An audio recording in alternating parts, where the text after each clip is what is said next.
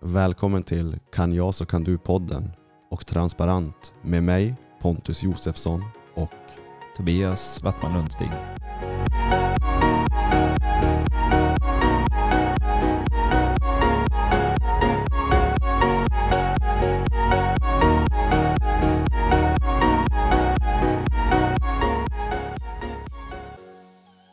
jag, jag tycker nästan det är värt att nämna också det som hände i morse. Jag skulle vilja säga att det var en händelse. Mhm. Det vi gjorde för ett tag sedan Mm. på, på ditt kontor. Det, vad var det det kallades? Eh, Det är yogiska andningsövningar. Mm. Det kommer från en, ett, eh, yogiskt, eh, en yogaform som heter kundalini-yoga. Kundalini, så var det. Så, och andningsövningar har ju blivit väldigt populära nu de senaste åren. Är det otroligt många som håller på med Ja, på sociala medier ser man mycket om det i varje fall. Eller ser jag det i mina flöden. De, Mm. de, de flöden jag är inne på. Eh, Även fast jag då inte är en sociala med, social medie, medieguru på något sätt. Eller försöker vara det så ser jag sådana saker. Medita meditation och mindfulness och Mm. yoga. Och, Jo, jag håller på mycket, en hel del och har hållit på genom livet en hel del med just eh, ja, men vad är allting som vi gör? Vad, vad finns det för olika sidor till det? Så fysisk träning, eh, kognitiv träning, mental träning, själslig träning, andlig träning. Och eh, yogan och, och tai chi, qigong, meditation, mindfulness hamnar ju på mellan, mellan det fysiska och det andliga ibland. Så som jag ser på det i varje fall. Så mm, vi, vi gjorde en, eh, en djupandningsmeditation i morse. som jag aldrig hade gjort förut. Mm. För du frågade mig om jag hade, om jag hade gjort Wim Hof-metoden. Och det Mm. hade jag ju inte. Nej. Så det var Och nu var ju inte det här riktigt... Wim Hof-metoden vi gjorde, utan det var ju den som är den som jag tror mycket att Wim Hof har tagit sin kunskap ifrån. Mm. Mm. Och det var ju liksom ganska intensiv andning. Och fokusera på de sju, de sju chakrarna. Eller- jo, jo, eller precis. Man, man mediterar, man alternerar andning och sen en kort paus och meditation. Andning, kort paus, meditation. Och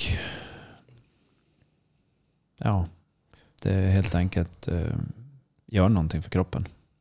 Ja, det som hände mig i alla fall, det var min första gång. Eh, Har ni några, eh, ni som lyssnar, om ni har upplevt eller känner igen er i det vi, det vi pratar om. Det hade varit kul att veta vad som hände för er, men för mig i alla fall, min första gång, så fick jag som en, den här psykedeliska upplevelsen där man, ja, jag fick kramp helt enkelt. Och det såg ju du på mig. Mm. Jag kunde inte prata, jag kunde, min käke var käkspänningar, mina händer hade knutit ihop sig, mina underarmar gick inte att mina händer gick inte att öppna och det krampade i underarmarna och axlarna Mm. var väl här säkert. Mm. Så jag fick avbryta. Mm. Så tog vi det lugnt och så pratade vi istället. Ja, det var speciellt i alla fall. Ni, om ni inte känner igen er så, ja, det, det är lugnt men det var, ja, det var, det var en händelse. Mm. det var en upplevelse av något jag inte har upptäckt förut. Mm. Så att, ja, ja det, var bara, det var bara det jag ville- nämna innan vi hoppar in i avsnittet. En parentes. En parentes ja. Lite småsnack innan vi drar igång. Men efter, eh, ef- ef- efteråt nu, hur känner du det nu? Ja, som jag sa, jag var ju tvungen att göra smörgås nu. Eller tvungen. Jag kände att jag blev hungrig. Jag blev lite, jag behöver någon sorts energi här så jag kan Mm. sitta här. Jag tror jag hade varit lam annars. Så jag kände mig så här lite men tom. Mm. Det är som jag sa tidigare också, det var som att ha sprungit en mil men att ha energin efteråt, bara att trötten inte är kropp. Trött, äh, kroppen inte är trött, Mm. trötten inte är kropp. Mm. Ja, jag kanske, är, jag kanske är snurrig efter det som hände. så att, eh, nej men det känns annorlunda. Och precis som vi också pratade om det här med att eh, Det kan vara trauma som ligger där under, känslor, tankar. Vad, vad ligger där under som gör att kroppen reagerar som den gör? Mm. Och jag har ju ingen bra svar på det. Men jag har ju många gånger i livet alltid trott att, jag, att ensam är stark. Att oavsett vad man går igenom så är det bara att bita ihop och vara stark. Man ska, man ska bara vara stark, stark, stark. Det går över. Det går över. Och må, många gånger har det ju visat sig i mitt liv att det har ju inte alltid varit så. Och nu när man fick den här reaktionen på det vi gjorde så börjar man ju tänka att hur mycket är det som ligger egentligen? Hur mycket är det som är bearbetat egentligen? Bara det att jag har lärt mig leva med det. kanske. Och därav var... Vi hade, vi hade en, eh, en idé om vad vi skulle prata om idag. Och så, så, när jag var, hämtade upp dig nu på morgonen så, så när vi började prata så hade du lite känslor och tankar och idéer. Och, eh, så då kom vi överens om att vi skulle prata om Drömmar, mål och livet. mm, För det är en stor del av våra liv. mm, Och jag kan bara, jag kan ju börja med mig. Eftersom att jag, eh, nu är jag 30 år gammal. Jag slutade hockey när jag var 21. Och från det att jag var 6-7 år gammal till att jag var 21 så skulle jag bli bäst i världen. Och jag levde verkligen som att jag skulle bli bäst i världen. Det fanns inget annat än hockey. Ett år i gymnasiet, jag hade så här 40% i frånvaro för att eh, eh, det, skolan var inte så viktig för mig. Jag, jag har alltid tänkt så här att jag behöver bara godkänt i allt. Sen skiter jag i resten. Och så länge jag får träna, spela hockey och lägga ner all min fokus på det som ehm, på det jag vill göra och det är att bli hockeyproffs. Och liksom en, en, ehm, ett exempel jag brukar säga på, men hur mycket ville du? Ja, det är svårt att säga och få någon att förstå hur mycket jag ville det, men om till exempel pappa frågade om jag, ja, jag skulle hjälpa han att snickra eller byta däck på bilen eller någonting. Då sa jag att jag vill inte lära mig. För jag kommer ha så mycket pengar att jag alltid har folk som gör det åt mig. så, att, så, så intresserad var jag av allt annat i livet än hockey. Det, det var bara hockey, hockey, hockey. Och jag var så pass seriös att eh, man kan ju alltid säga, hur seriös var jag de sista åren? Ja, det går ju alltid att ifrågasätta, men jag hade inställningen att om jag ställde mig upp från soffan och så hade jag, tog jag hjälp med, med händerna på låren, att jag liksom ställde mig upp med, med assistans. Då var jag tvungen att sätta mig igen och och, och gör som en benböj upp från soffan för att jag fuskade ju. Så jag fuskade när jag ställde mig upp så här, om jag visar för Mm. dig, så här.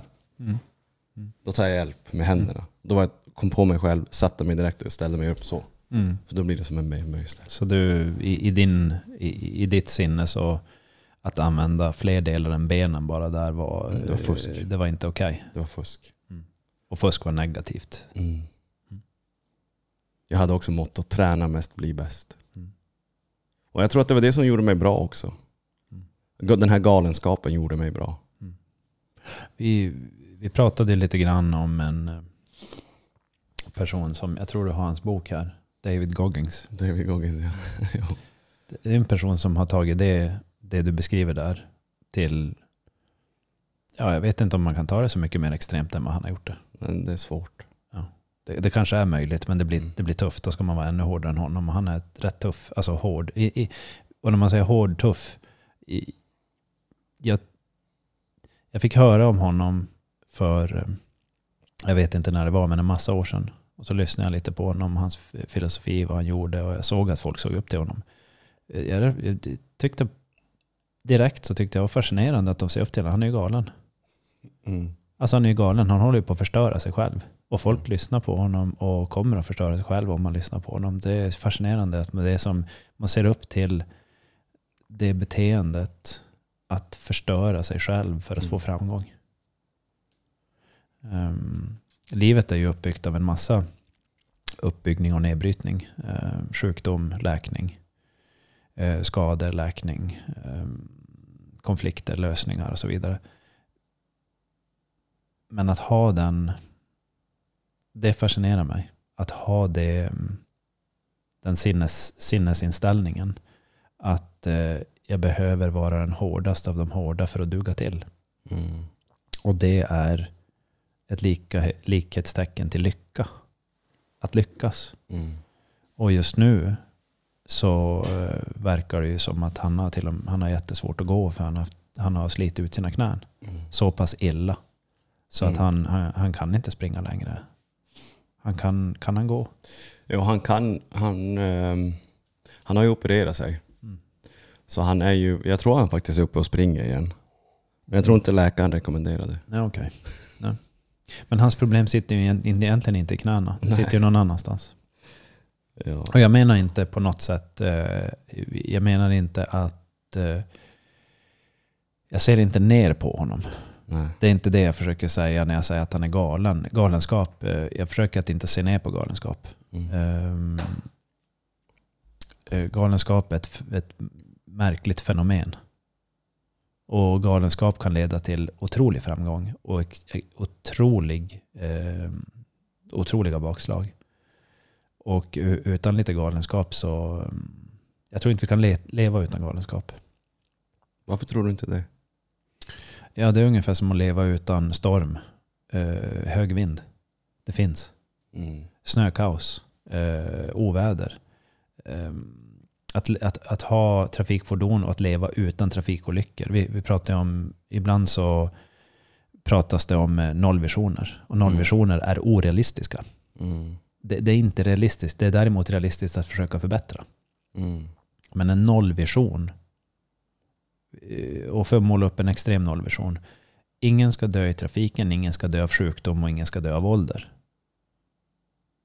Det, det är orimligt. Det kommer inte att hända.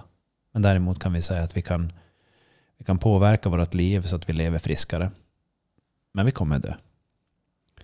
Eh, varje gång du sätter dig i en bil så tänker vi inte på hur farligt det är. Att det är väldigt många som dör i trafikolyckor. Det, det, det tänker, jag tänker då inte på det så. Jag till och med njuter av när det är kaosväder. Jag kan få ut och i och med att jag håller på med sådana sporter som, som går igång på kaosväder. Eller kaosväder men på hög vind till exempel. Windsurfing. Um, ehm, jag gillar snöstormar, extrema stormar. Jag tycker att det är behagligt. Det får gärna kännas som, som huset håller på att blåsa bort.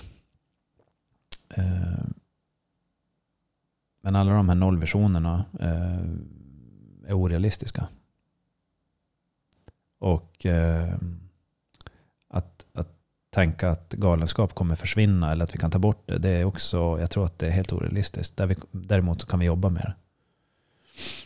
Och eh, om vi kan jobba med det så kan vi, det betyder egentligen att vara transparent med det. Eh, prata om det, prata, jobb, jobba med det som någonting som är, istället för att jobba mot det så jobbar man med det. Men när man jobbar med någonting så förstärker man inte bara någonting. Man försöker förstå sig på vart man kan släppa, vart man kan bromsa, vart man kan lyfta, vart man kan sänka, vart man kan flytta. Vart man kan öka, vart man kan minska och så vidare.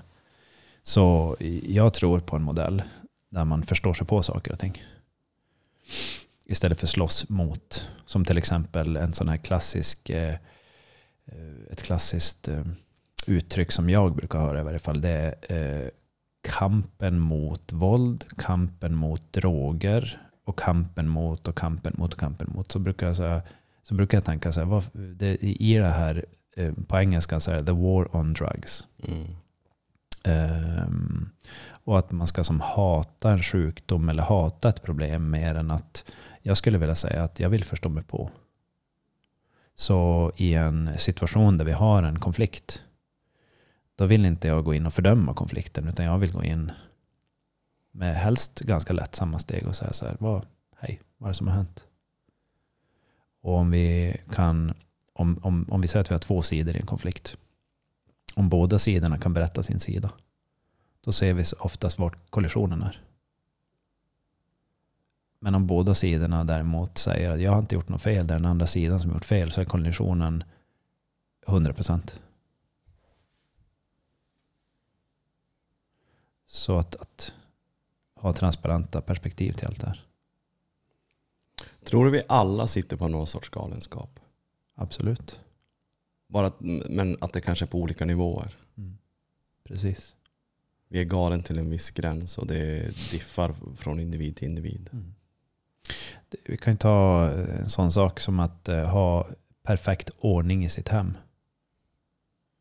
Och speciellt om man har en barnfamilj eller någonting. Det är lite galenskap att försöka hålla ordning på det. Ehm. Det är inget fel. Men däremot så kan det bli galenskap ifall man i, i sitt liv ska göra allting så perfekt så det får inte finnas något fel. Ytan ska se så fin ut, men här inne så håller jag på att gå sönder. Det blir en galenskap. Ehm, jag är så stark. Jag kan inte visa att jag är svag. Det var det vi pratade om lite i morse. Mm. Um, jo, men jag är ju så stark så att är så här. Var helt övertygad i, vilken ålder var du när du sa till din far att uh, nej men jag ska inte byta något däck för det ska ju någon betald... eh, Tonåren. Ja, så den där tonåringen som var övertygad om sin... ehm, Lite överlägsenhet. ja, övertygad om sin överlägsenhet. Mm. Ehm, det är lite galenskap. Ja, men jag, jag vågar erkänna att jag var helt galen. Ja, ja, men... Och eh, när vi drabbas av galenskap, eh, det som, det som, jag, det som jag upplever är eh, ja, men ganska viktigt. Det är att du, behöver, du, du har inte fel i det du säger. Men om vi pratar om det en stund Mm. och så pratar vi på ett sätt där vi har respekt för varandra. Hur galen du än är. Och så säger vi så här, okej. vi sätter oss ner och pratar. Och om vi kan ta den tiden och prata och ha den respekten och närvaron i samtalet.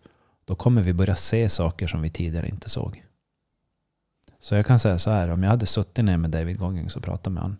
Så hade vi lätt kunnat komma fram till att du kommer ha sönder de här sakerna. Är du medveten om det? Och då kanske han till och med har sagt, hade sagt eh, jag är helt medveten om det. Men alternativet är att det andra får ta över. För jag tror att han har några mörka demoner där inne. Han säger ju faktiskt det personligen att han, eh, han gör ju inte det av den fysiska anledningen. Nej, han säger ju Det att det, det är rent mentalt. Precis. Bara allt är mentalt. Ja. Exakt. Och i den mentala, det han säger där och då, det är att han har ju någonting i den mentala som han brottas med. Mm. Och det mentala är ingenting vi kan skära upp och titta på, för det är rent fysiska vävnader bara. Mm. Men i de fysiska vävnaderna så finns det känslor. Och känslorna går inte att, få ut genom ett kirurgiskt verktyg. Däremot går det att få ut dem genom ett samtal. Så om vi kan eh, tillsammans, och det är det vi försöker göra nu på varje avsnitt, sätta oss ner och utforska någonting tillsammans.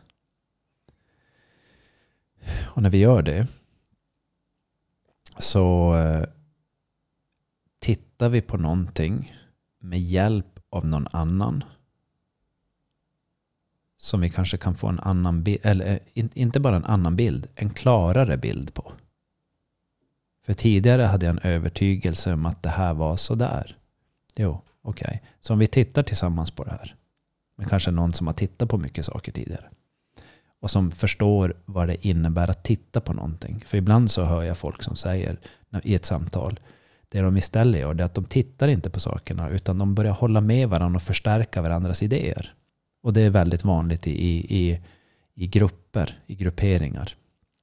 Eh, I vänskapskonstellationer, i eh, företagskonstellationer, i idrottslag. ehm, i religioner. Och även i sekter. Så övertygar man varandra om sin övertygelse. Men ur det här perspektivet så ska vi inte övertyga övertygelsen. Vi ska inte förstärka övertygelsen utan vi, ska titta på no- vi kommer titta på någonting. Och så ställa frågan, vad är det vi tittar på? Och vad, hur, vad har det för beteende? Och när vi tittar på det så får vi se mer och känna mer på ett annorlunda plan.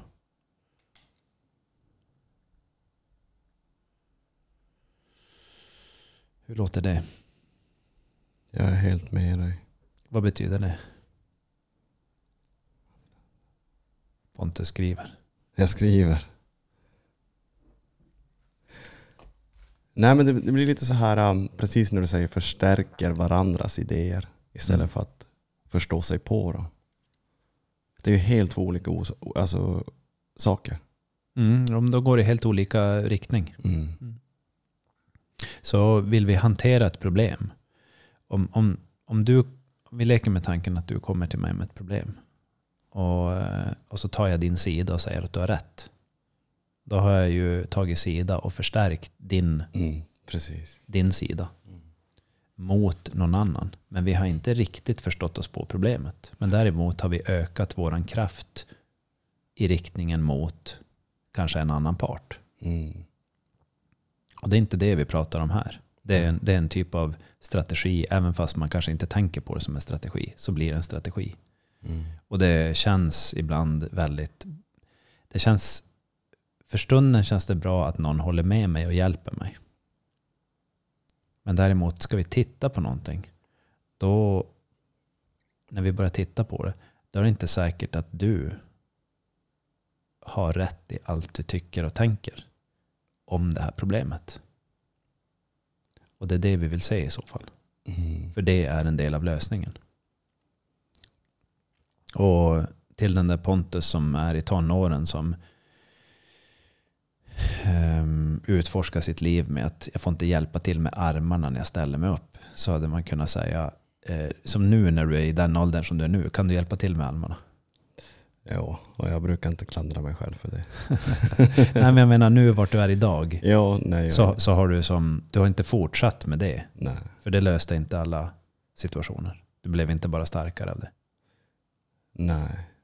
Just när vi pratar om det här så sitter jag och tänker nu och reflekterar över att jag tror att jag brände ut mig mentalt än vad jag gjorde fysiskt. Mm. Trots den, trots den träningsmängd jag höll på med. Mm. Jag kan ta ett till exempel att eh, jag hade en slinga. Då innan jag flyttade till Luleå när jag var 15 så hade jag ungefär ja, en slinga på en mil ungefär. Och varje dag när jag sprang den så skulle jag alltid förbättra min tid. Mm. Jag, jag, det var innan den tiden. Jag visste att springa lugnt var faktiskt, det kan också vara bra. Mm. Jag skulle bara pressa, pressa, pressa. Och jag, jag har ju alltid varit bra på eh, self-pep-talk med mig själv. Så att jag, eh, när jag springer där de sista kilometrarna, jag tror förmodligen många har hört mig, då, skri, då skriker jag ut bli bäst, bli bäst, Mm. bli bäst. Och jag fortsätter bara springa fortare, fortare, fortare. Så eh, det är ju... Får jag fråga, mm, vad händer, då med Pontus när, eh, när Pontus stöter på motgångar och inte blir bäst? Vad händer då? Ja, det var ju det som hände tror jag när jag la ner. Ja, att jag, eh, jag flydde från den världen. Mm. När jag inte var bäst längre. Mm. Så att, och då just med det så har jag lärt mig att eh, jag har lärt mig se på hockeyn som att jag är glad att jag var med om faktiskt att det hände. Jag är glad att det hände för jag har varit med om mycket som inte många får vara med om. Mm. Skulle jag se på problemen som att jag gav upp, vilket en del är sanningen, eh, och se det som ett misslyckande, vilket också är lite sanningen för det var ju, jag ville ju bli bäst, så hade jag nog bara varit deprimerad dag ut dag in. Mm. Så att eh, jag försöker se på det som att jag är glad att det faktiskt hände. Mm. För jag fick vara med om mycket. Mm. Och med facit i hand så vill jag säga säkert att den här galenskapen gjorde mig bra Mm. på det jag höll på med. Vilket var hockey. Mm. Men får jag fråga då, den här galenskapen gjorde mig bra sa du. Hade du velat bara fortsätta och öka den och öka den och öka den? Hade det varit någonting bra? Nej, jag, jag önskar faktiskt att jag hade någon sorts av mental coach där och då. Mm. För jag behövde ju inte öka min galenskap. Jag behövde ju lära mig att hantera livet som är en, en liten titel idag på det här avsnittet.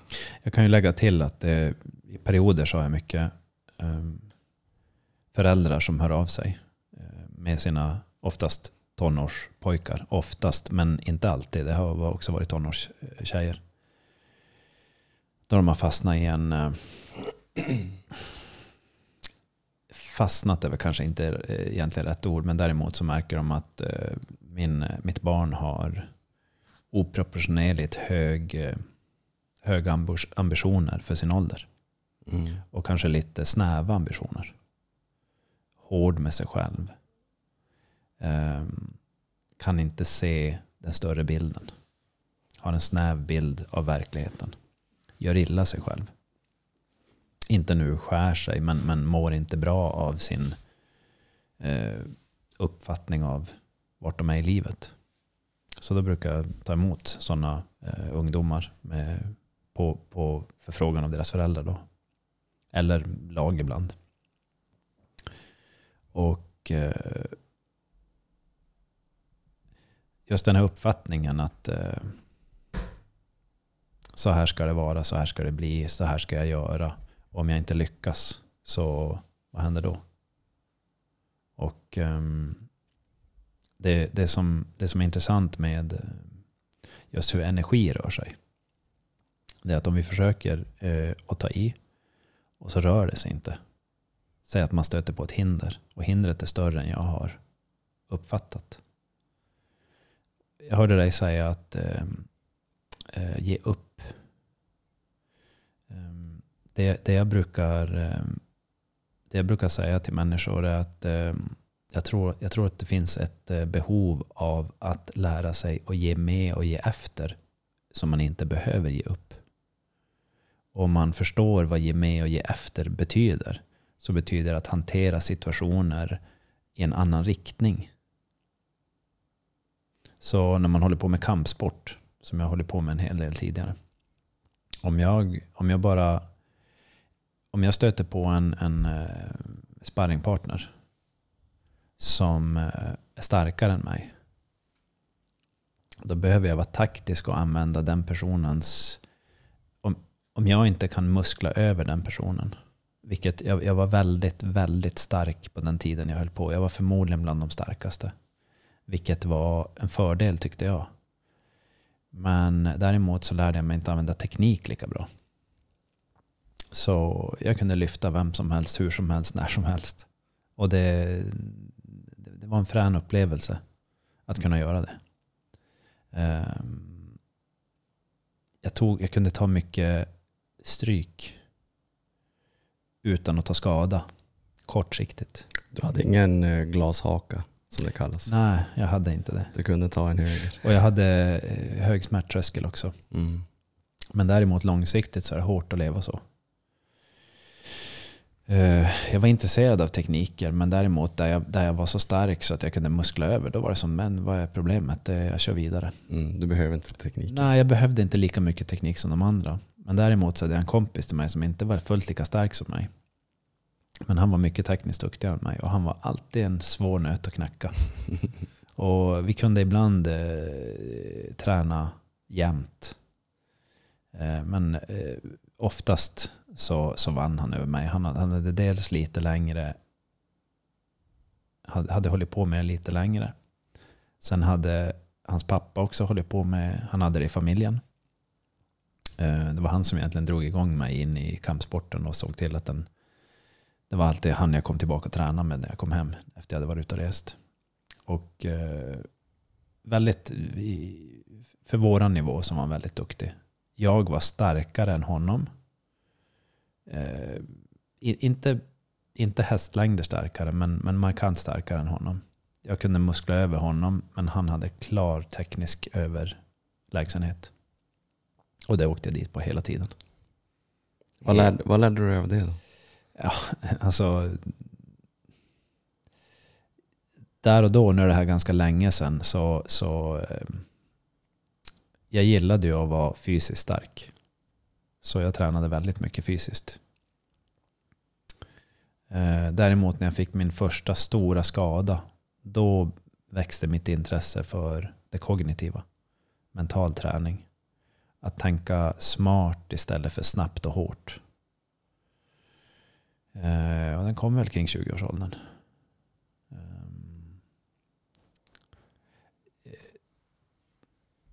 Så jag var nog inte riktigt mogen för det, att, att hålla på med det. Men skadan hjälpte, hjälpte mig att bli mogen. När jag gjorde illa nacken. Så ehm, som sagt, att lyckas eh, att göra någonting bra. Eh, det är en, eh, hur ska jag säga, att bara göra någonting bra eller att lyckas. Det är ju, det finns ju inte en väg dit. Och bara för att man säger att man ska göra det så gör man det inte. Det finns ju inte en, det finns ju inte en väg som säger gör du så här så kommer du lyckas. Jag vet att det är någon som finns som säger så. Men det stämmer inte. Eller det verkar inte stämma. Så vad, hur behöver jag hantera saker och ting? Vad är det jag har för vansinne, galenskap? Var, vart är det jag har svagheter? Vart är det jag har styrkor? Och hur, hur sätts de här ihop? Så ehm, vi pratade om Avicii vid ett tillfälle i ett avsnitt också. Det var en kille som verkar vara jätteduktig på ja, men, framförallt på musik. Eh, där fanns det också en galenskap. Som eh, absolut hade kunnat i en annan tid, i en annan värld hanteras. Jag tror inte han hade riktigt de personerna runt omkring sig som han hade behövt ha. Som kunde balansera honom och hjälpa honom att ställa rätt frågor. Nu finns ju inte den mannen kvar för att ställa de frågorna. Utan det är en historia. Men han är inte den första och inte den sista som går den vägen. Mm. Och eh, jag kommer ihåg så väl när eh,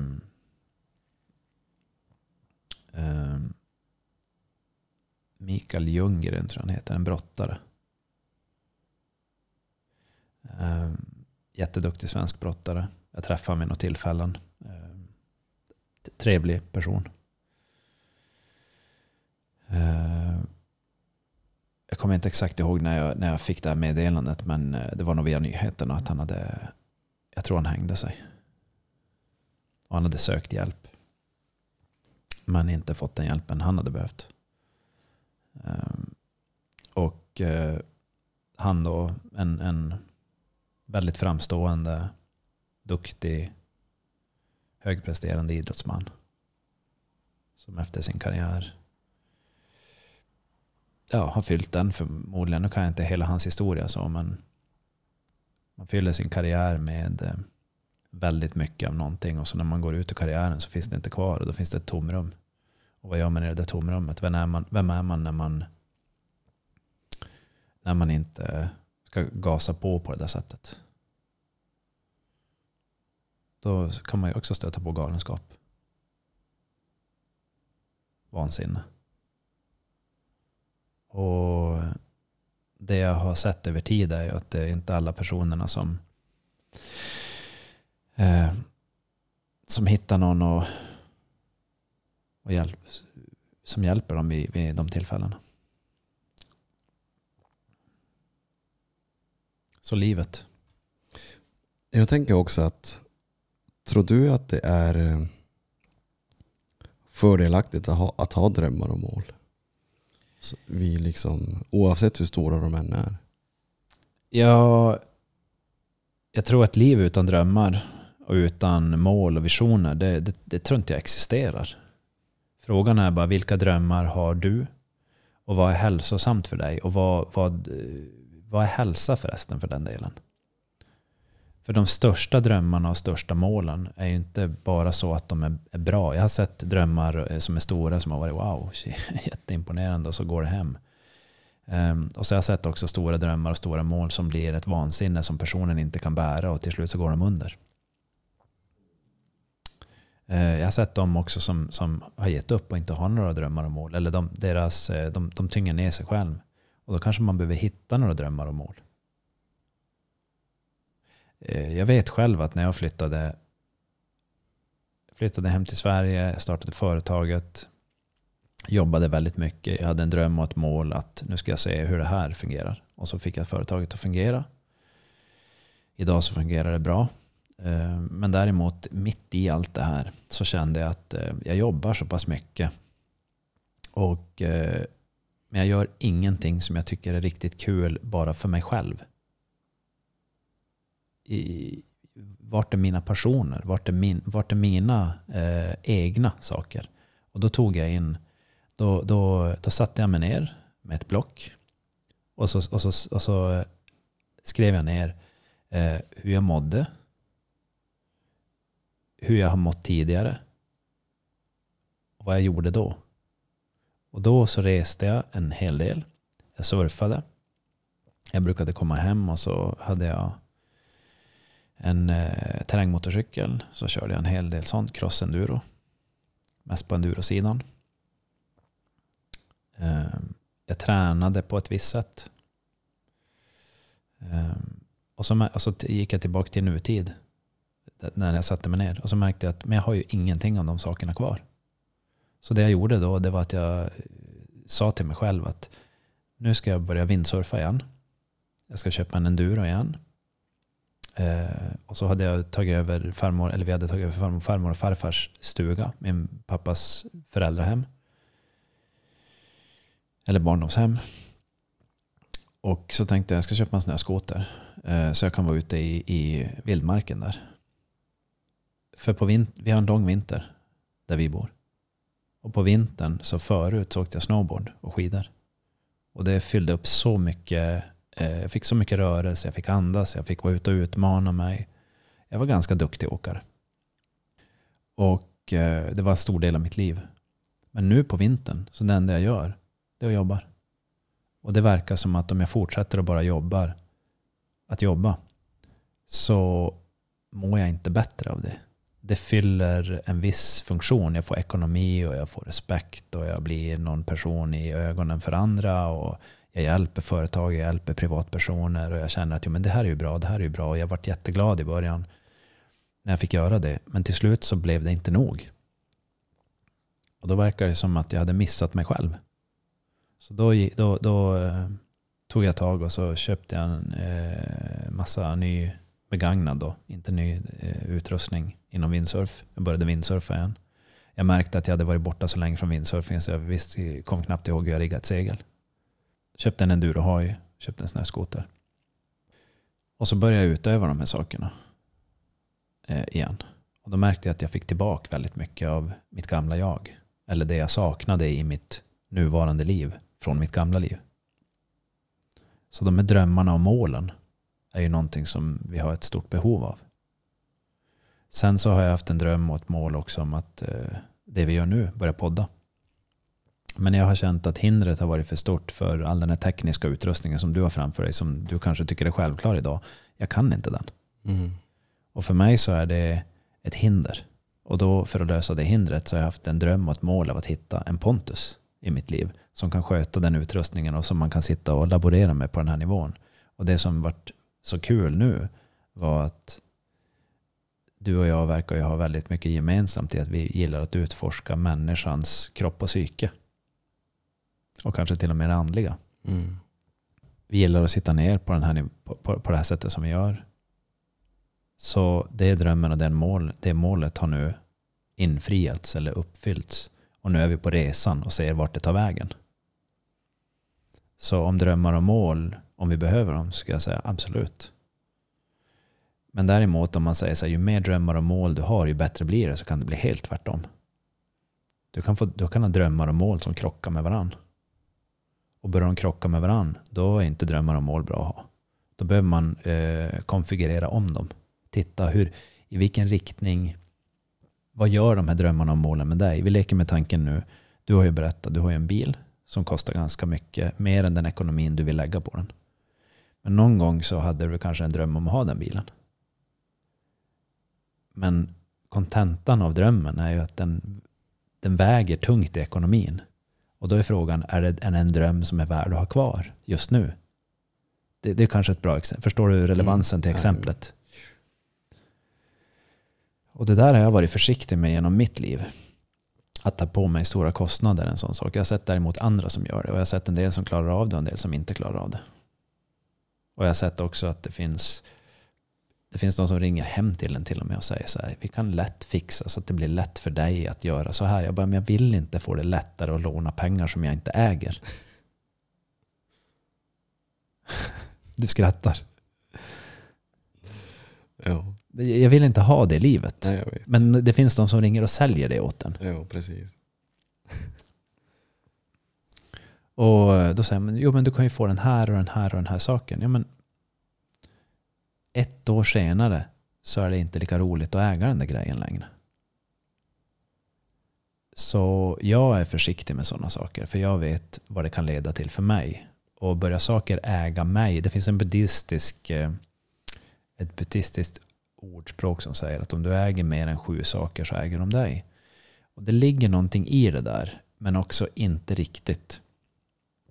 För till exempel jag har i stugan så har vi vår stuga som är då ett riktigt hus. Det är ett, eh, som jag kallar det mer ett country house än en stuga.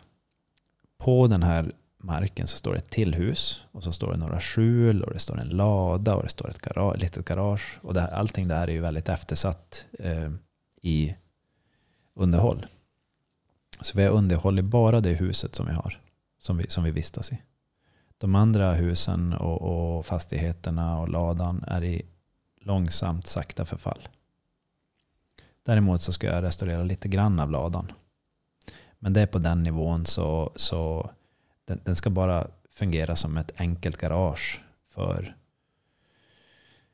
kanske en snöslunga, en, en åkgräsklippare, en snöskoter.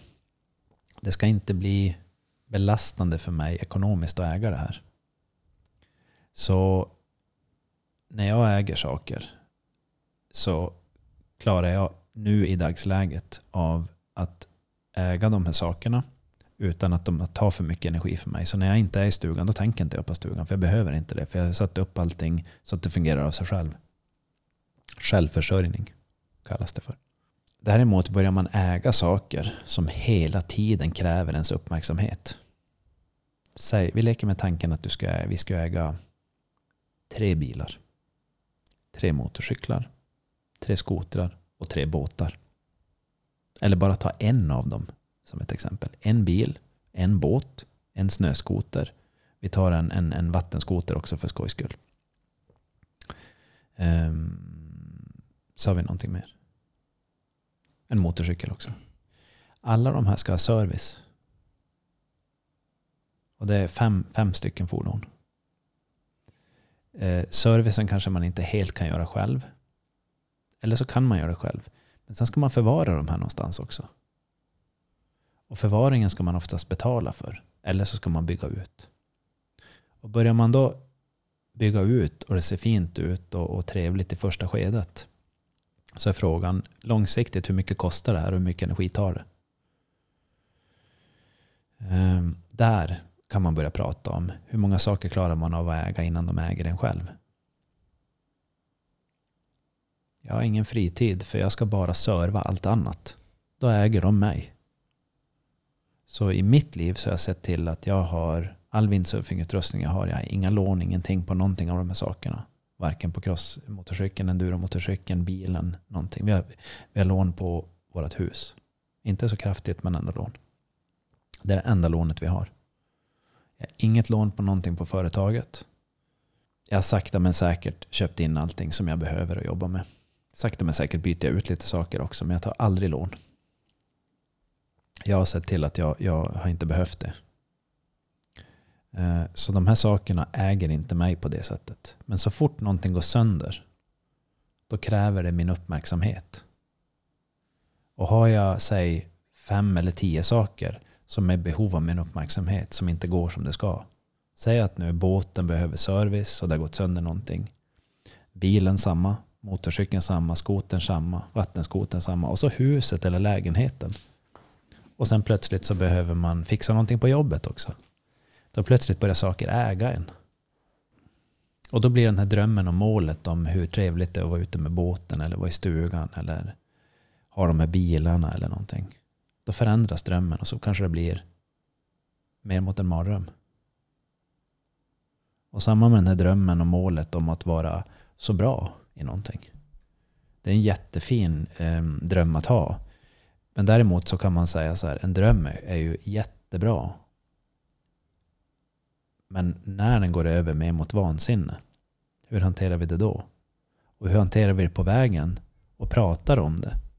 Så att vi får ett, ett ett förhållningssätt att vi kan prata. För kan vi inte prata och sen får vi vansinne, ja, men då har du vansinnet och så kan du inte prata om det.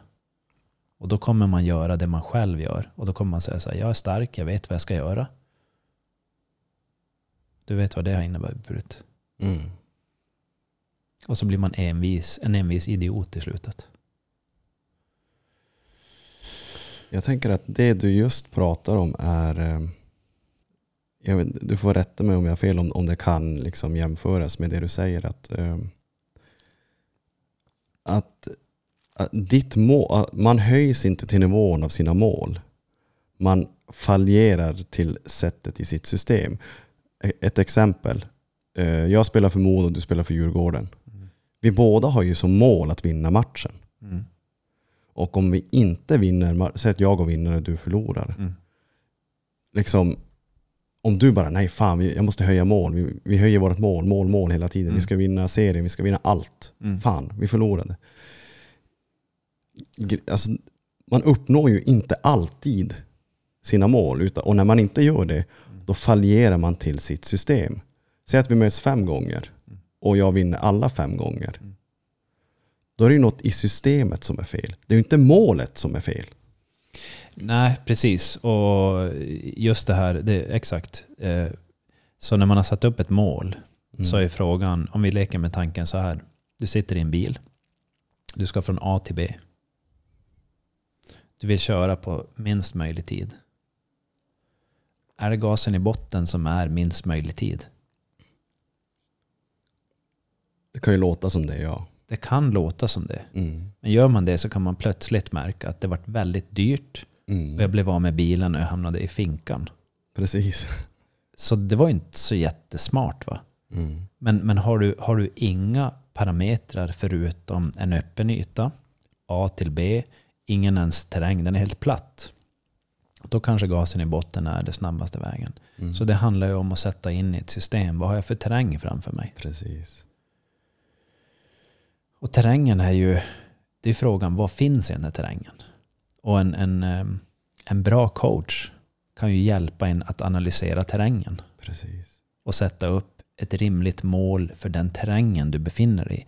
Okej, terräng betyder också eh, vem är du i livet? Mm. Vad har, du, vad har du för vikt? Vad har du för energi? Vad har du för tillgångar? Vad har du för ekonomi? Eh, alla de sakerna blir eh, möjlighet till målet. Hur sover du? Vad har du för matsmältning? Hur äter du? Och hur får du till dig energi av det? Hur läker du skador? Hur hanterar du motgångar? Det är en del av terrängen. Mm. Sen, vem har du runt omkring dig? Eh, vad har du för... Eh, eh, säg, säg nu att det är det här Modo och vad sa du? Djurgården. Djurgården. Bara- Ja, ja. som, men vi tar, fortsätter på det spåret. Så säg nu att eh, Modo visar sig vara exceptionellt mycket träffsäkrare på många saker. Då är ju frågan, ska man, på vilket sätt ska vi bli bättre att hantera terrängen och lära oss av dem? För de vill ju inte släppa förbi oss. De vill forts, fortsatt vinna också. Ska vi bli destruktiv mot dem eller ska vi bli bättre än dem? På vilket sätt ska vi göra det här? Och det ser man ju inom, inom, inom allt möjligt. Mm. Att om, om jag inte hittar en bra väg att gå, då hittar jag en ful väg att gå. Och, det, och just det här som vi pratar om nu, det är det att, säg nu att vi leker med tanken till hösten så kommer Luleå Hockey ut. Nej hörni, går de ut till fansen. Vårat mål i år är att ta SM-guld. Ni kan inte förvänta er något annat. Och så stirrar man bara blint på det, men man kollar inte på deras system. Mm. Är det ens möjligt att ta SM-guld? Alltså jag, har ju, jag har ju jobbat med eh, elitidrott på hög nivå. Nu gör jag inte det. Det är inte att jag inte gör det längre. Det är att jag, jag har distanserat mig från det för att jag tyckte inte riktigt att de tittar på alla saker som jag ville titta på och jobba med. Mm. Som tillhör då hälsa, välmående och, och, och de här framgångarna. Eh, Så jag jobbar en hel del med elithockey. Eh, Nu är det länge sedan. Men eh, nu, nu lägger de ju upp strategier och så vidare och så vidare. Men däremot så under den tiden jag jobbade, jag vet inte om det har blivit någon förändring nu, Men man jobbar väldigt lite då med de mjuka sidorna för Mm. människan. Man jobbar mest med de hårda sidorna. Och däremot så gjorde vi ett eh, experiment med ett av Sveriges ledande lag vid den tiden. Att jobba med de mjuka sidorna. Och det vart mitt jobb att ta i det. Ehm, så under en, en lite längre period så fick jag jobba med mental träning, känslor, samtal, rörelseträning. För genom rörelseträning som är lugn, genom yoga, så kommer man i kontakt med mycket så här, okej, gå in på känslonivå och tänkte att nu, nu, nu tar det bara en paus. Och så jobbar man med de mjuka sidorna. Fast man jobbar ändå med den fysiska kroppen. Och den kognitiva delen till den psykiska kroppen. Och det laget blev helt ostoppbart det året.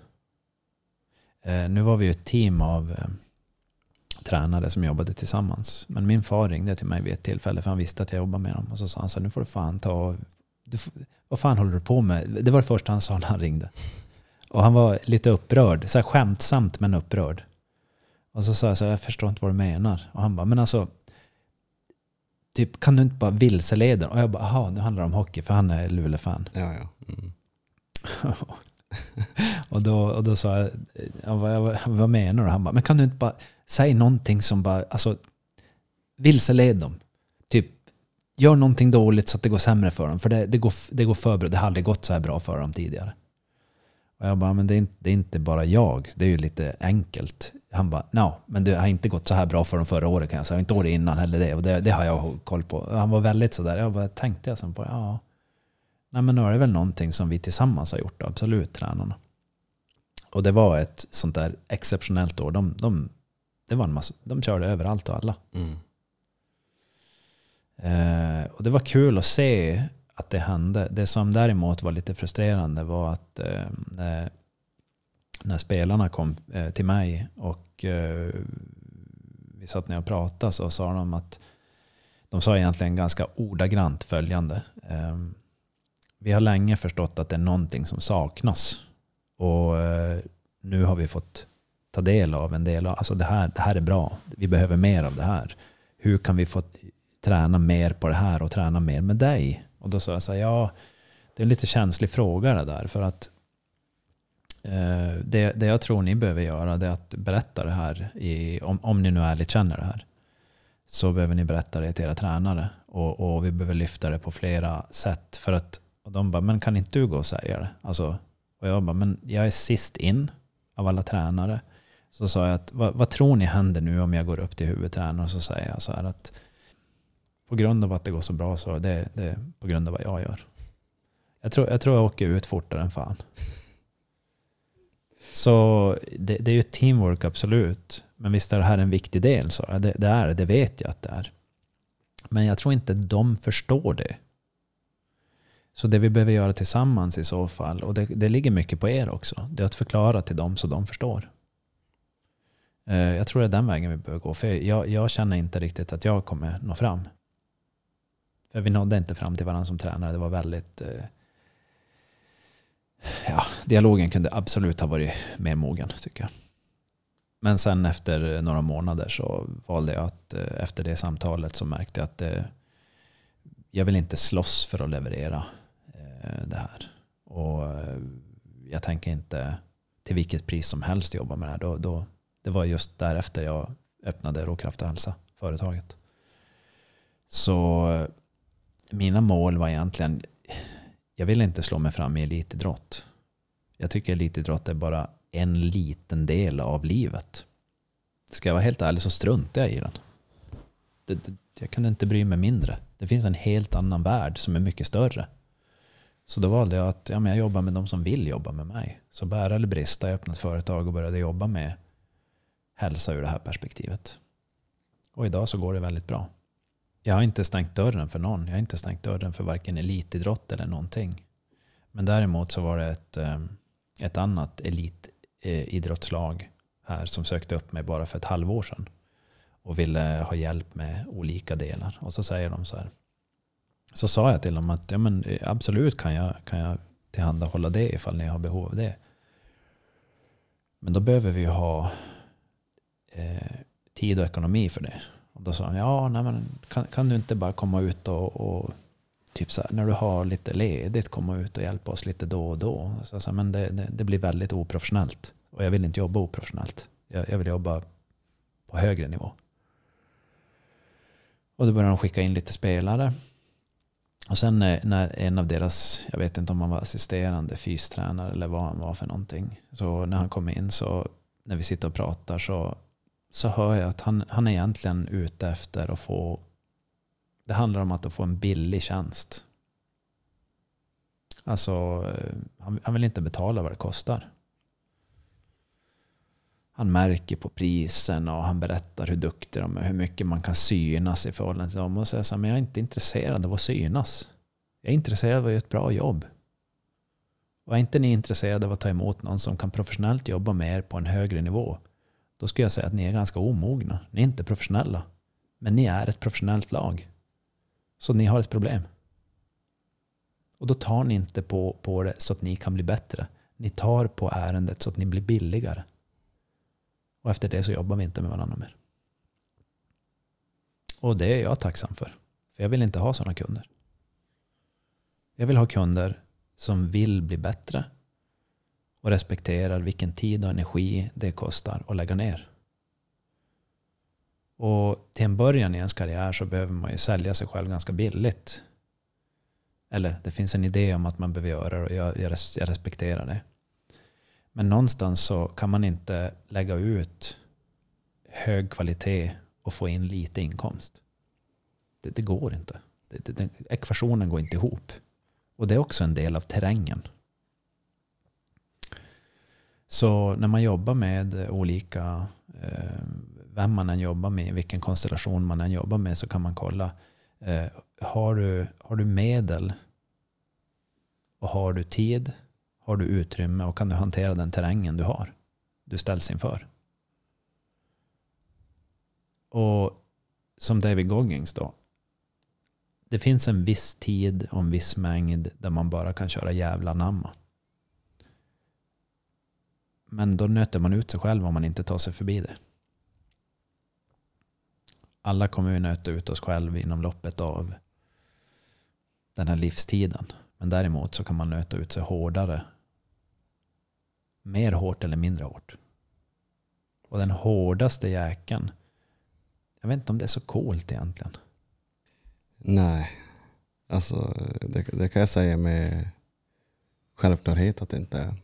Jag som kommer från elitidrott och ville vara den här hårda jäkeln. Träna mest, bli bäst. Mm.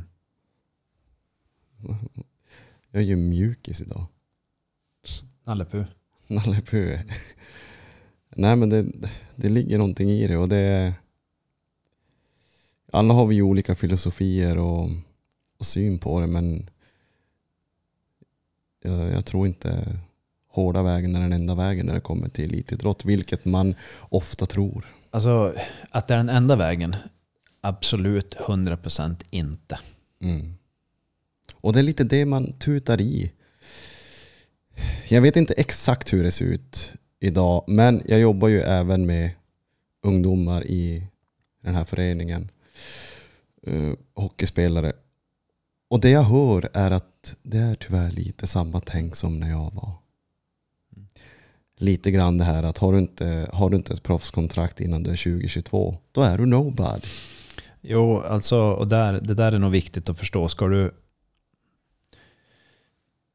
Så som det ser ut så verkar det som att um, ska du upp på den här nivån inom just den här sporten så, så kan det vara viktigt att inom den här tidsramen så ska du upp på den här nivån. Har man inte kommit dit och man ska fortsätta inom elitidrotten då blir, det, då blir det exponentiellt mycket svårare. Det betyder inte riktigt att man är ingen. Däremot just försöker man hårdare och hårdare och hårdare. Säg, vi leker med tanken nu att um, du hade försökt fortfarande nå till, jag vet inte, vad var dina drömmar? Vart hade du satt? Eh, jag ville ju till Ryssland och KHL. Ja. För där tjänar man bättre pengar. Ja, okej. Okay. Så det handlar om pengarna då? Delvis? Ja, jag vill kunna ta hand om dem jag älskar, min familj till exempel. Mm. Och kunna pensionera mamma och pappa och syskonen. Mm. Så eh, KHL. Mindre skatt också i Ryssland. Så, och för att ta sig dit så eh, det är tufft när du är i 22-årsåldern. Mm, ja. Det- Alltså, vissa, vissa går ju dit vid 20-22 års ålder. Mm. Men säg, säg 20-22-årsåldern. Mm. Är det lätt att komma in? Nej, det är väldigt få Mm. som kommer in. Ehm, hur, hur många, på en grupp av 100 personer, om du Oj. gissar, hur många kommer in? Oj, max en.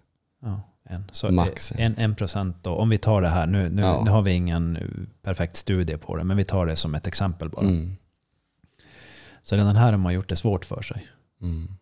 Och så säger man att om du inte har kommit in eh, innan 22-årsåldern, då blir det svårare. Mm. Om man fortsätter till man är 24 och så har man inte tagit sig in. Och så har man ingen annan plan B. Det finns bara plan A, det är det enda som finns. Då kan man säga, ja okej, personen av någon anledning har inte fått till en plan B. Det är därför man har en, en uh, livväst i, i en båt till exempel. Det är plan B. Men självklart ska vi inte använda den. Och när vi har en, när vi har en flytväst när vi får ut och till exempel pimplar på en liten sjö eller någonting. Eh, eller jag tar på mig en liten flytoverall eller flytväst under skoterdräkten när jag kör på vintern. Det är ju inte för att jag ska använda den. Det är ifall det händer. Och jag hoppas att det aldrig händer. Så det är plan B. Eh, finns inte plan B, att, att det finns ett alternativ. På hur många andra eh, platser har personen inte tagit en, ett annat alternativ? Som till exempel eh, en person som då tränar en, en, en sport. Eller i vilken konstellation man än är i livet. Om det är arbete, familj, eh, personlig träning eller idrott, eh, eller idrott på, på amatörnivå, eh, hobbynivå, motionsnivå eller proffsnivå. Där man är som bäst, det ska man fortsätta träna på. Men där du är som sämst ska du börja träna mer på. Är man inte den smartaste personen på att analysera, då ska man lära sig att analysera. Är man inte nog vig i sinne, kropp eller själ som man har behov av, då är det där man ska tänja på, sina, eh, på sin vighet. Är man, är man inte nog fysiskt stark eller explosiv, då är det där man ska träna. Är man inte nog snabb, då kanske det är där man ska träna. Använder man för mycket droger, då kanske det är där man ska träna. Och inte på att använda mer, utan snarare på att analysera hur, hur mycket är hälsosamt för mig. Sover jag inte bra? Äter jag inte bra? Vad nu det innebär för personen i fråga. Då är det kanske där man ska träna. Ju tidigare man kan ta in sådana här saker kontra ju senare, ju mer resultat kan det ge. Om det är elit man satsar på. För elit är ett hårt liv. De flesta som satsar elit kommer inte gå till superelit. Och de som går till superelit, många av dem blir allvarligt skadade. Och många blir skadade på vägen också.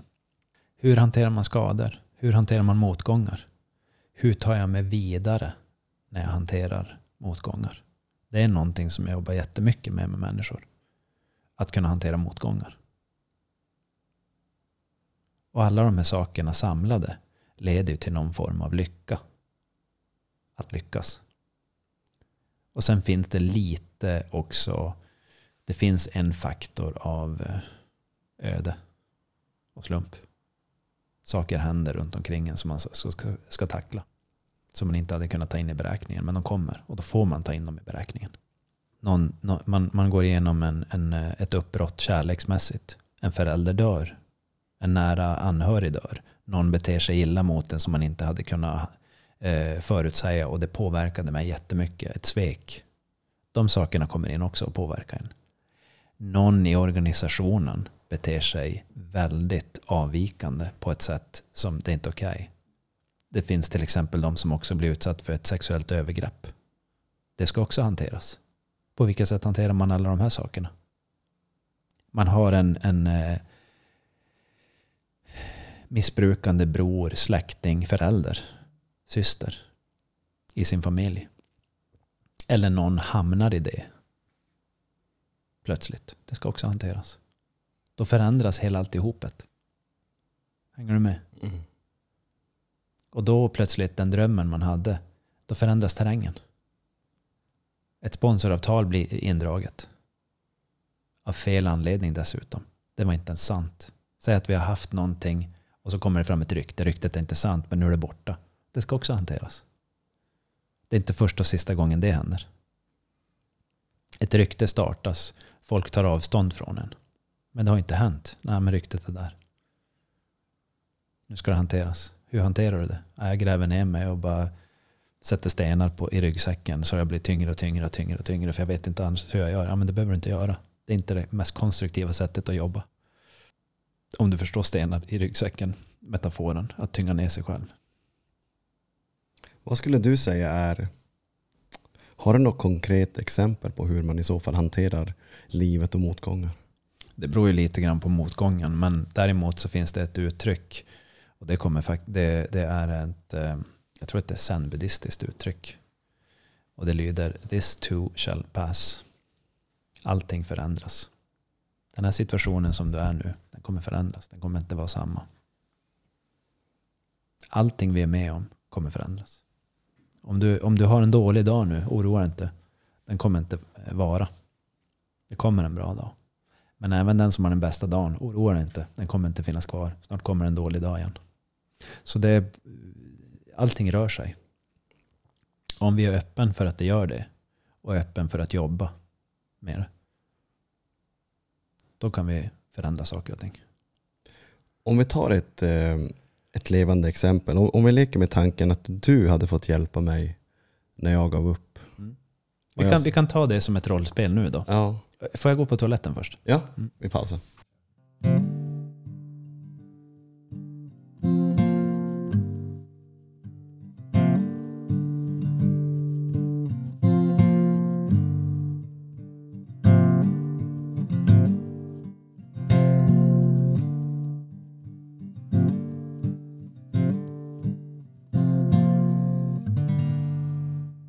Nej men om vi leker då med, med tanken att jag träffar dig när jag är där i 21 års ålder och eh, bestämmer mig för att sluta hockeyn. Och jag har nu förklarat mina mål för dig. Du har ju lite koll på dem. De är väldigt höga och jag har berättat min bakgrund, vad jag har gjort för att försöka uppnå de här målen. Och jag berättar min situation där jag blev ehm, eh, pappa med en sommarflört som valde att behålla barnet jag blir långtidsskadad, jag spelar i division 1 och jag känner mer och mer att det här, det här målet börjar sakta men säkert glida ur händerna på mig tror jag ju. Jag inbillar mig det, att det börjar bli kört. Och nu behöver jag hjälp. Jag vill upp på banan igen. Upp på banan igen. Var- Vart är banan då? Jag vill hitta den här... äh, hur, jag jag vill hitta tillbaka till lågan jag hade för idrotten. För hockey var inte kul längre när livet började hända. När motgången började, bli, började komma. Alltså nu, nu pratade vi om en, eh, det här blir lite, jag ska se om jag kan hitta något, ta, någonting som går att ta på här. För att Det, det kanske är svårt att... äh, ja, nu så blev det så stort, allting har som hänt och nu bara, jag vill hitta tillbaka på banan mm, snabbt. Så som det brukar vara, säg att, eh, säg att du hade kommit in till mig, säg, vi leker med tanken till och med att eh, kanske din, vi säger att dina föräldrar mm, din pappa hade eh, av någon anledning hört talas om, ja men säg mig då som ett exempel. Ringer och frågar, eh, min grabb är, skulle behöva lite hjälp. Skulle du kunna ta emot honom? Då ska jag säga ja, absolut. Om han är öppen för att komma. mm, Och då börjar man. Eh, är han öppen för att komma så ska jag kunna tänka mig det. Eh, för jag kan inte jobba med någon som inte vill bli jobbad med. mm, Så när man väl möts så, så försöker vi helt enkelt bekanta oss med varandra. Och det jag vill, eh, jag vill ju gärna ta del av din historia. Men jag vill inte bara ta del av din historia, jag vill ta del av vem du är. För det är personen som är som har historien. mm, Så att jag kan inte reducera och klippa i ditt liv och fixa och säga hur du ska göra. utan att veta vem du är. Vad du har för drömmar, vad du har för mål, vad du har för laster, vad du har för känsligheter, vad du har för styrkor och svagheter. Och hur vill du det att jobba med dem? Och sen det jag har ett behov av i så som jag jobbar, det är att vi får en relation till varandra så eh, du får ett förtroende till mig.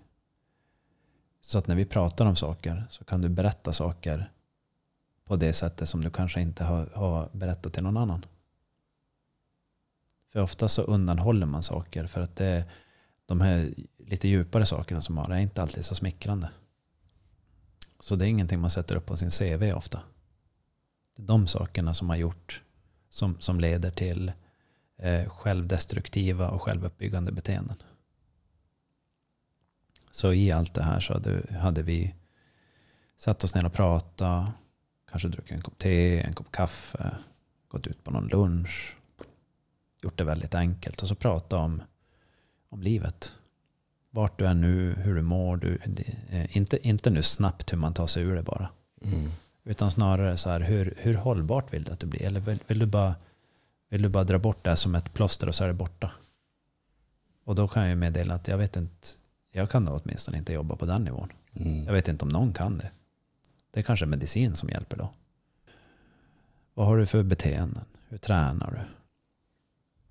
Hur sover du? Hur återhämtar du dig? Vad har du för relationer? Vad har du för relation till dig själv? Mår du bra i livet? Vill du må bra i livet? Vad betyder må bra i livet för dig? Är det att vara NHL-proffs och på KHL-toppen? Är det det som är att må bra i livet? Ja, men då vet jag inte riktigt. Då ska vi nog prata om, är det sant? För det är ju en, det är ju en optisk illusion som är helt vanställd. Men om det är det jag vill, det är ju ett av mina mål. Ja. Men frågan, när du säger att du vill det, Mm. vad är det som säger att du vill det? Det vill jag veta. Vad är det som får dig att säga till dig själv att du vill det? Jag vill bli bäst i världen. Jo, jag förstår att du säger det. Men vad är det som får dig själv att säga det till dig själv? Vart kommer den idén ifrån? Berätta till mig vart den idén kommer ifrån. Jag har inget svar på den frågan. Nej, men det är den jag vill att vi utforskar. Men det låter lite, ska jag, kan jag tolka det då som att det gör inget om jag inte blir bäst i världen? För det är ju det jag vill. Alltså det vi, det vi kommer prata om det är för mig så spelar det ingen roll om du blir bäst i världen eller inte. Men vad gör det för dig själv? Och om du har satt upp ett mål av att du ska vara på ett visst sätt men du tar dig inte dit så är frågan så här, okej. varför för det första är det det målet? Varför? Om du inte vet det, då ska vi försöka hitta varför det är det som är målet. Och när vi hittar att det är det som är målet, då hittar vi en massa andra saker på vägen som gör att man kanske ser att det är inte säkert att jag vill ha det målet. Hur hittar man varför jag har det målet? Man ställer frågan. Som att man vill veta. Kan du hjälpa att guida mig dit? Ja, vi kan utforska det tillsammans. Mm. För det som är grejen då, när man, om vi säger att vi, man ut, utforskar ett, ett ehm, eh, vad som helst för beteende eller klädstil eller val för dagen eller kost eller någonting. Då kan man säga eh, var, varför, varför vill vi göra det här? Och då säger en person, nej men vadå, det är väl... Vi kan, vi kan ta som, som ett exempel, vi ska ut och äta lunch efter det här. Ungefär på 20 minuter. Och så, och så åt vi lunch på en Kina-restaurang. Mm. Ori- Orientalisk restaurang här för några veckor sedan. Waldorf. Och idag så sa jag att ja, men vi kanske ska åka tillbaka dit. Varför ska vi åka tillbaka dit? Ja, men det är en restaurang. Ja, men varför just den? Ja, men det, det var ganska gott och det var lugn miljö. Det fanns bra med variation. Det var bra smak. Jag kände inte att det var så här. Ibland när jag har varit på vissa restauranger kan det kännas som att man inte riktigt bra efteråt. Men det, så kändes det inte där. Inte vid det här tillfället. Så jag känner mig... Nu när jag tänker på det så känner jag bara att ja, men jag känner mig trygg. Så det, jag vet vad jag får. Om det är så att man, eh, eh utforskar, utforskar, man, man har en dröm och ett mål. Nu var ju en, en restaurang för dagen ganska banalt, men jag ska försöka konkretisera vad jag menar. Så säg att eh, man har målat upp en dröm och en, ett mål. Och så vet man inte alla parametrar på vägen. Så när man utforskar vägen man har tagit sig dit, då kan man märka att men jag har inte tänkt på alla de här sakerna. Som till exempel personen som skulle köpa sin Tesla. Och så kan man säga så här, har du, har du, koll, på, har du koll på vad den kostar dels att äga eh, och vad det krävs? Nej men vadå, det är, ju, det, det är väl inte så viktigt för nu löser jag ju det. Ja, men om vi kollar minutiöst på alla de här sakerna och sätter ihop den i relation till verkligheten, då kan personen sen säga men det här känns ju inte så kul att veta om. Nej, men det är det du kommer få veta om om ett år. Men då är du inne i det. Hänger du med? Mm. Så genom det här utforskande sättet att se så här, hur har du, hur, hur har du, hur, hur har du bestämt dig för att det är den här drömmen du vill ha? Hockey är roligt. Jo, är roligt, precis. Men däremot, det, det, det är absolut kul. Men vi, vi tar det som någonting annat just nu. Eh, Vi, Mm. vi, vi tar inte hockey, vi tar någonting som är mer konkret, enkelt att ta på. Och då kan vi ta din bil för skojs skull. Det är ju någonting som är jätteenkelt. Ehm, när du köpte den bilen, hur länge, hur, hur länge sedan var det du köpte den? Ett och ett halvt år. Hade du en dröm om en sån bil innan? Jag gillar BMW. Så Gillar. jag alltid, jag, min dröm är att alltid glida BMW. Så då, då har du en dröm där. Men eh, nu om ett år, vad kommer du köra för bil? En Volkswagen förmodligen. Ah, det är ju intressant. Det är ju jätteintressant för att i din dröm att köra den där BMWn, så Ja. just för tillfället i ditt liv Ja. så kräver den här BMWn, just den här BMWn, kräver så pass mycket som du skulle kunna lägga ut på annat. Så du får försöka till exempel att resa och vara Mm. lite mer fri och ledig. Men då kan man säga, men är det värt att slippa? Alltså du kan, vi struntar i att vara ledig, vi struntar i att ha den här friheten. Men du får ha en blå metallic BMW som står här utanför. Är det värt det andra? Att försaka det. Du får inte resa nu. Du får Nej. inte vara lika fri. Nej, det är inte värt. Utan den här BMWn ska nu sluka den här ekonomin. Men den är ju fin. För du, eh, du har ju skjutsat mig till och med någon gång och varit och hämtat mig. Den, det är ju en jättetrevlig bil. Det är inte det. Men den bilen kostar någonting också. Så den drömmen kostar. Och det jag tror att en del inte ser, det är vad deras dröm kostar.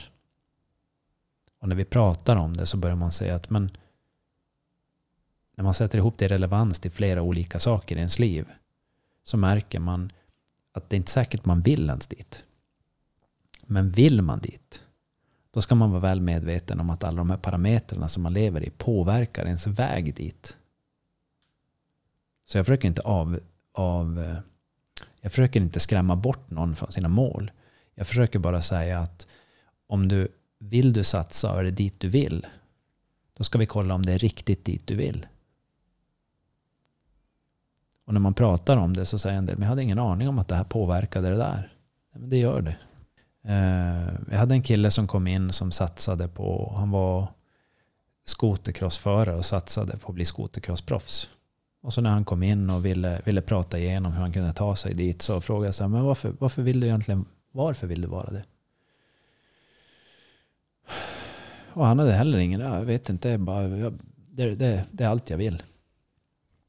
Och efter vi hade pratat ett tag så så sa jag, jag, fortfar- jag hade fortfarande inte fått svar på riktigt varför du vill det. Så jag vet inte hur jag ska hjälpa dig att bli bättre. Men absolut, vi kan titta på lite olika träningsformer. Vi kan titta på mental träning, vi kan titta på det, på det, på det. Men så frågar jag som så här, vad har du för livspussel? Vad har, du, har du någon partner? Vad har du för jobb? Vad har du för det? Vad har du för film och konstellation? Och då visade det sig att hans, eh, hans satsning och hans familjesituation var i konflikt med varandra. Och när vi hade pratat om det ett tag, Eh, vi möttes vid några tillfällen, så eh, senare så ringde jag och pratade med honom efter ett år eller någonting. Då sa han, nej men jag har lagt av med skotercrossen. Den tog för mycket tid, jag, hade, jag, jag förstod som inte det. Så sa jag, vad gör du nu då? Han bara, nej men jag börjar springa mycket och, och håller på med, jag vet inte om det var ultrasport eller någonting. Han bara, det är ju alltså, ett par skor, ett par shorts, en ryggsäck. Alltså, det är ju så mycket trevligare, enklare. Och så frågade jag, hur mår du? Han bara, aldrig mått bättre. Så han var helt övertygad om att han skulle bli Sveriges bästa skotercrossåkare. Men efter vi hade pratat någon gång så sa han så här, men jag tror faktiskt inte jag vill det egentligen. Jag visste, jag hade inte tänkt så här djupt på det. Hela hans liv gick in i skotercrossen och då sa jag så här, men det låter, det låter ju, det låter ju som att det är en jättestor passion du har. Och så när jag väl utforskade så sa han, nej men jag har inte tänkt igenom alla de här grejerna så här mycket. Men då kan det ju vara så här också. Jag vet inte vem som ska lyssna på det här programmet. Men eh, det finns ju ibland en, en, eh, en person som utövar idrotten och sen finns det någon annan som står i bakgrunden som vill förverkliga sin dröm genom den, någon annan. Frågan är om det är den personen som utvecklar sin dröm som, som, som, som ska få drömmen. Eh, vad händer på vägen med personen som är i situationen, säg barnet? Det är också lite komplicerat. Jag har en, eh, jag har en, en kund som har, de, de håller på i, i, inom tennis. Och eh, en av deras barn är jätteduktig tennisspelare. Och de är eh, föräldrarna har separerat. De, de drar inte jämt. Och mannen i familjen, han är ja, det känns lite, lite grann som till vilket pris som helst ska, ska dottern bli nästa Serena Williams. Och hon är duktig dottern. Jag, nu kan inte jag tennis men det är vad jag hör eh, från, från dem och så vidare. Men eh, pappan vill driva igenom det här till vilket pris som helst. Men mamman är inte riktigt eh, lika eh, hård och tålig. Hon är en mjukare person. Så i den här situationen som de befinner sig i så hamnar de i en stor konflikt. Och eh, deras barn är mitt emellan. Och eh, det sliter i familjen. Ganska hårt. Och barnen ser det men kanske inte förstår vad det är som händer. Och frågan är då, vad är det för dröm man håller på med? Och på vilket sätt? Hur, hur navigerar man mot den här drömmen? Och eh, vad händer på vägen? Just som det är nu så, så håller föräldrarna på ja, de mår inte så bra sinsemellan. Inte alls bra skulle jag säga. Vad säger man åt hur, hur kommer man till en lösning i en sån situation? Hur, ja. hur går dialogen? Ja, alltså i och med att jag känner de här lite närmare så, vill, så har jag råd gett dem till att gå till en tredje part. Att någon annan, inte mig kanske. Ehm, I, I, värsta fall så kan jag hjälpa men, men det, blir, det kan bli lite tokigt för jag känner dem båda två. Så jag vill helst att de går till någon annan. Och de håller på att söka det alternativet. Så att, men de är inte ensamma som mig i sådana situationer. Drömmar, mål, och så kommer livet. Men som sagt, hinder och, och eh, gupp efter vägen kommer vi stöta på hela tiden. Och eh, alla de här hindren och de här guppen går att hantera och förstå sig på. Och, eh, det går att se dem innan de kommer. Vissa hinner man kanske inte se på grund av det synsättet man har. Men det går att hantera efter eh, dyningarna av dem. Men allting det här tar lite tid att hantera också. Och frågan är att kan jag, kan jag ta den tiden det krävs? Nu har ju vi den lyxen att vi kan sitta och analysera och prata och skämta och eh, djupdyka till höger och vänster och utforska. För att vi är intresserade av det. Det är inte alla som känner att de har den tiden men jag kan lova att tiden finns. Det kan jag lova. Tiden finns. Och man kan göra jättemöjligt. Och när man börjar titta på det så är det som att man får mer tid i det tidsutrymmet man befinner sig. Det är någonting fascinerande som händer när man börjar titta på ett problem och, ut, och, och utveckla det. Det är att man får mer tid än man trodde att man hade. Men till en början så känns det som att jag har inte tid med det här. Men att säga att jag inte har tid med det här, det betyder att okej, okay, jag har inte tid att plocka ut en tung sten ur min ryggsäck, så nu bara springer jag vidare med den i ryggsäcken. Och det kommer slita på mina knän. Det är bara att fråga David Goggins. En sak som jag också vill eh, repetera som du sa, jag tänkte fråga dig vart du fick det ifrån. Jag har hört det av Mel Robbins. Det här när du tog ett block framför dig. Mm. Du tog den glada Tobias till den Tobias du var idag. Mm. Och så skrev du ner vad du gjorde när du Mm. mådde bra. Mm. Och så skrev du ner vad du gör idag. Mm. Och så jämför du vad det är som saknas. Mm. Den, det, det verktyget hörde jag av Mel Robbins. Eh, en, hon är, vad, är hon, vad är hennes titel? Hon är mycket ute på sociala medier. En känd eh, terapeut. Jag tror hon är relationsexpert. Eh, något sånt. Men en- ett Eller jätte... hon som har fransk dialekt. Nej, Nej, hon är amerikan. Ja. Ehm, så det, var, det är ett verktyg som jag också använt av. Mm. Eh, men jag tänkte, vart har du fått det ifrån? Oj, det vet jag faktiskt inte. Det är någonting jag brukar göra varje år. Det har jag sagt tidigare program också. Varje Mm. år när jag åker iväg och, och surfar eller, eller tar en, en längre paus. Jag kan vara i stugan. Ofta så sker det på ett flygplan. När jag åker till Indonesien har det varit varje Mm. år. Då har jag satt mig ner, kollat igenom min kalender. Lite eh, utforskat, eh, djupdykt in i min själ. Mm. Eh, hur mår jag? Eh, hur skulle jag vilja må? Och så tittar jag på vad jag har gjort över året. Jag scrollar igenom kalendern och ser hur mycket jag har jobbat. Och så känner jag, är det här hållbart? Mm. Och då kan jag säga många gånger att nej men det är inte jättehållbart. Så, så det jag försöker göra är att sätta in saker i en, i en verklighetsbild.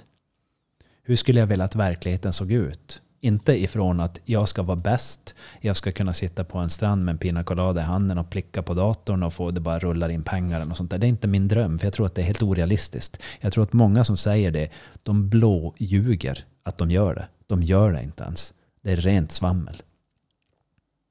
De flesta som, som tjänar mycket pengar som jag känner, det finns ingen som bara sitter still. Inte en enda person. Så det är en, en illusion. Om någon klarar det så är det extremt flå. Så jag tycker inte ens man ska sikta dit. Jag tycker man ska sikta mot att göra någonting man trivs med och som har ett värde. Men att sitta på en dator och trycka på en knapp och få in pengar, det är inget värde i det. Det är värdelöst. Och det står jag för. Det är vansinne. Det är galenskap och det är det vi pratar om. Men när, vi, när, man sätter, när jag sätter mig på det här planet, scrollar jag igenom kalendern och sen så till exempel om jag känner att jag jag har, inte var, jag, jag har inte varit så glad. Jag, jag, jag skulle vilja få lös lite mer glädje. Jag har inte mått så bra. Jag har känt mig instängd, inträngd. Jag har haft låg energi. Ja, men då kollar jag till exempel. Vad är det som, då kollar jag igenom kalendern. Ja, men inte, det är inte så konstigt. Jag har jobbat som en blådåre. Och visst, det går ju bra för företaget. Men hur bra går det för mig som person? Mitt hjärta och min själ. Ja, den känns lite nedtyngd. Ja, men då behöver jag förändra någonting. Frågan är, kan jag ta bort några timmar? Och det här jobbar jag med mycket med mina kunder. Om jag ska, och med mig själv framför allt, jag säger mina kunder, men så här jobbar jag. Eh, kvalitet och kvantitet. Kan de gå ihop? Kvalitet och kvantitet. Hög, eh, hög kvalitet eller hög kvantitet. Välj den ena eller den andra. Brukar jag säga. Sen finns det en, en, en, någon punkt där de börjar gå ifrån varandra. Men före de börjar gå ifrån varandra, hur hög nivå kan du hålla innan du blir dålig kvalitet? Det är det vi ska hitta. Och när vi har gått över den gränsen ska vi kunna gå tillbaka igen. Och det de flesta har problem med, det är att gå tillbaka när de har kommit upp i kvantitet. Det går för fort. Och till exempel att säga till någon, men jag har inte tid. För då får jag inte tid till mig själv. Men en del säger, jag har inte tid. Man bara, ja men det har du ju visst. Nej, men jag vill ta mycket tid till mig själv. Ja, men då får du ju aldrig igång det där andra. Så det är en trade-off hela tiden. Det är inte enkelt det här. Det är inte omöjligt. Men jag, jag stöter på personer som är o, orealistiskt kopplade till, de gör hur mycket som helst, men de får inte till kvaliteten. Och då börjar de oftast, många börjar ljuga om det. Att det är högre kvalitet än vad det är. Är inte ärlig. Hur de mår, hur det ser ut, hur det fungerar. Och det är en försvarsmekanism. Sen finns det de på andra sidan som, som inte vill ta i nog mycket. Man är för trygg med det man har. Man är otrygg med att gå ur sin comfort zone, ta i ännu mer. David Goggins är ju inte där. Han, han, han vågar ju ta i för många personer, för ett helt Navy Seals team. Hur hittar man den där balansen där man inte går för mycket över och under? Så man blir för självdestruktiv. Så vart jag har fått det där verktyget ifrån, det kan inte jag svara på faktiskt. Jag har som alltid lite haft det här tankesättet. Jag har alltid haft en, en känsla av att men vänta, gör du sådär så kommer du till en bristningsgräns och då blir det inget bra. En del säger nej, men det tror inte jag. Och, och så pang small det. Nej, Okej, de, de hade ingen koppling till att det där existerade. Vi är alla olika. Vi lever ju i ett stort mysterium som kallas för livet. Och så utforskar vi vad livet är och hur vi ska navigera i, li- i livet med all terräng och alla människor runt omkring oss. Det finns egentligen inget rätt eller fel. Det finns handling och det finns effekt. Sen finns det beprövade handlingar som ger en viss typ av effekt. Frågan är, är vi öppna och prata över och om de här beprövade handlingarna och vad de kan ge. Och då finns det också beprövade handlingar. När man tittar på en människa när de gör vissa saker då kan man säga det där kommer inte bli bra. Ja, hur vet du det? För att jag vet vad de där beprövade handlingarna leder till. Typ varje gång. Och en, och, men en person kan vara helt övertygad om sitt förfarande. Jo, men jag tror att det kommer bli bra. Då kommer du få se vad som händer i framtiden. Och det är bara att köra om du vill. Men jag ska inte hjälpa dig dit. Däremot så kan man varna. Låg impulskontroll. Och så testar man någonting som är väldigt belönande. Var försiktig när du använder det. Får du låg impulskontroll och så får du tag i en drog. Eller någonting som är superkul. Då säljer du din själ för att få göra det. Nej men jag tror jag har koll på det här. Ja. Men då får, det är ditt liv. Lära sig impulskontroll. En jätteviktig grej. Jo, men jag gillar att det händer fort. Mm. Men lösningen och problemet kommer lika fort. Och problemen kommer fortare än lösningarna. Och de blir fler och de sitter kvar. Ska vi sätta punkt där? Jag tror det. Hur kändes det här för dig? Det Intressant. avsnittet. För det här är ju någonting jag tampas med personligen. Och det har ju satt sina spår i mitt liv. Mm. Så det är, inte, det är ju någonting jag funderar på än idag. Vad det, vad det egentligen är att ha drömmar och mål. Mm. Men något som jag har fått se med egna ögon är, är ju dels att ha drömmar och mål, men livet. Mm. Men eh, en, en persons dröm kan leda till fördärv. Mm. En annan persons dröm kan leda till lycka. Mm. Så komplicerat och, och så är det ju faktiskt. Ja. Så frågan är, hur har du satt ihop parametrarna för din dröm? Mm. Om, och, och, om vi säger så här, ehm, om någon säger att du, men du, om du skulle, ibland kan jag få någon fråga som är eh, lite grann riktat som, tänk om man gjorde så här, så här, så här, och så är det någon som ger någon tanke, en, en tankelinje. Och då brukar jag säga, men jag vill inte ens testa den där tankelinjen, för den är orealistisk. Ja, men alltså, bara för skojs skull. Och då blir det så här, ja, men ju mer vi håller på med det där så blir det en orealistisk dröm. Jag tänker att vi kan prata om någonting som är verkligt istället. Jag kan svamla, jag kan vara en väldigt svamlig och, och, och lustig person på det sättet. Men jag vill ofta prata om det som är kopplat till verkligheten på ett, på ett realistiskt och hållbart sätt. Gärna med komik och glädje, eh, empati och passion. Inte på ett bara, nej du vet, eh, nej, du måste göra så här, jobba dina timmar, och, nej, du får din lön. ja. Inte det där sättet. Utan jag tror på saker och ting som är att vi kan nå enorma mål. Men jag vill att vi ska vara realistiska. För jag ser oftast att det målas upp orealistiska mål som inte blir så. Det är fler mål som går i krasch. Det är fler drömmar som går i krasch än som lyckas. Och det är på grund av taskig planering.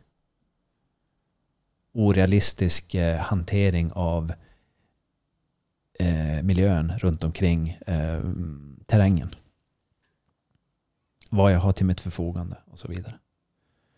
Så jag tror absolut på vi, vi klarar oss inte, eller vi kan inte ens leva utan visioner, drömmar, mål. Däremot så är frågan varför är den satt på den nivån där det är satt? Då pratar vi om verkligheten. Och om man säger men jag vet inte. Men då vet du inte vad du har för verklighet. Det är viktigt att förstå att då vet jag inte vad jag har för verklighet men jag har en stor dröm.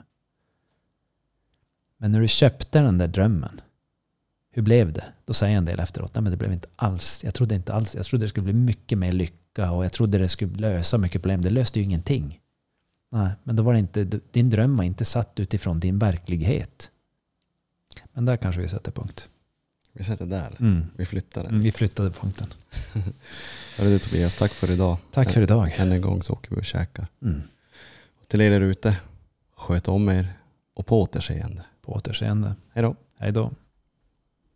Om ni där ute skulle ha några funderingar eller tankar eller frågor till mig eller Tobias så kan ni dels nå mig på mina sociala medier antingen på Facebook, Pontus Josefsson eller på Instagram, Josefsson P. Det går även bra att söka på Pontus Josefsson där så kommer jag upp och skriva ett DM eller personligt meddelande åt mig. Och eh, dig Tobias, hur når vi dig? Eh, mig kan man gå in på hems min hemsida. Eh, Råkraft och hälsa, proholistic AB. Och webbadressen är raakraft.nu. Och där kan man hitta mina kontaktuppgifter, mail, eh, man kan skicka in förfrågan, telefonnummer, ringa, smsa.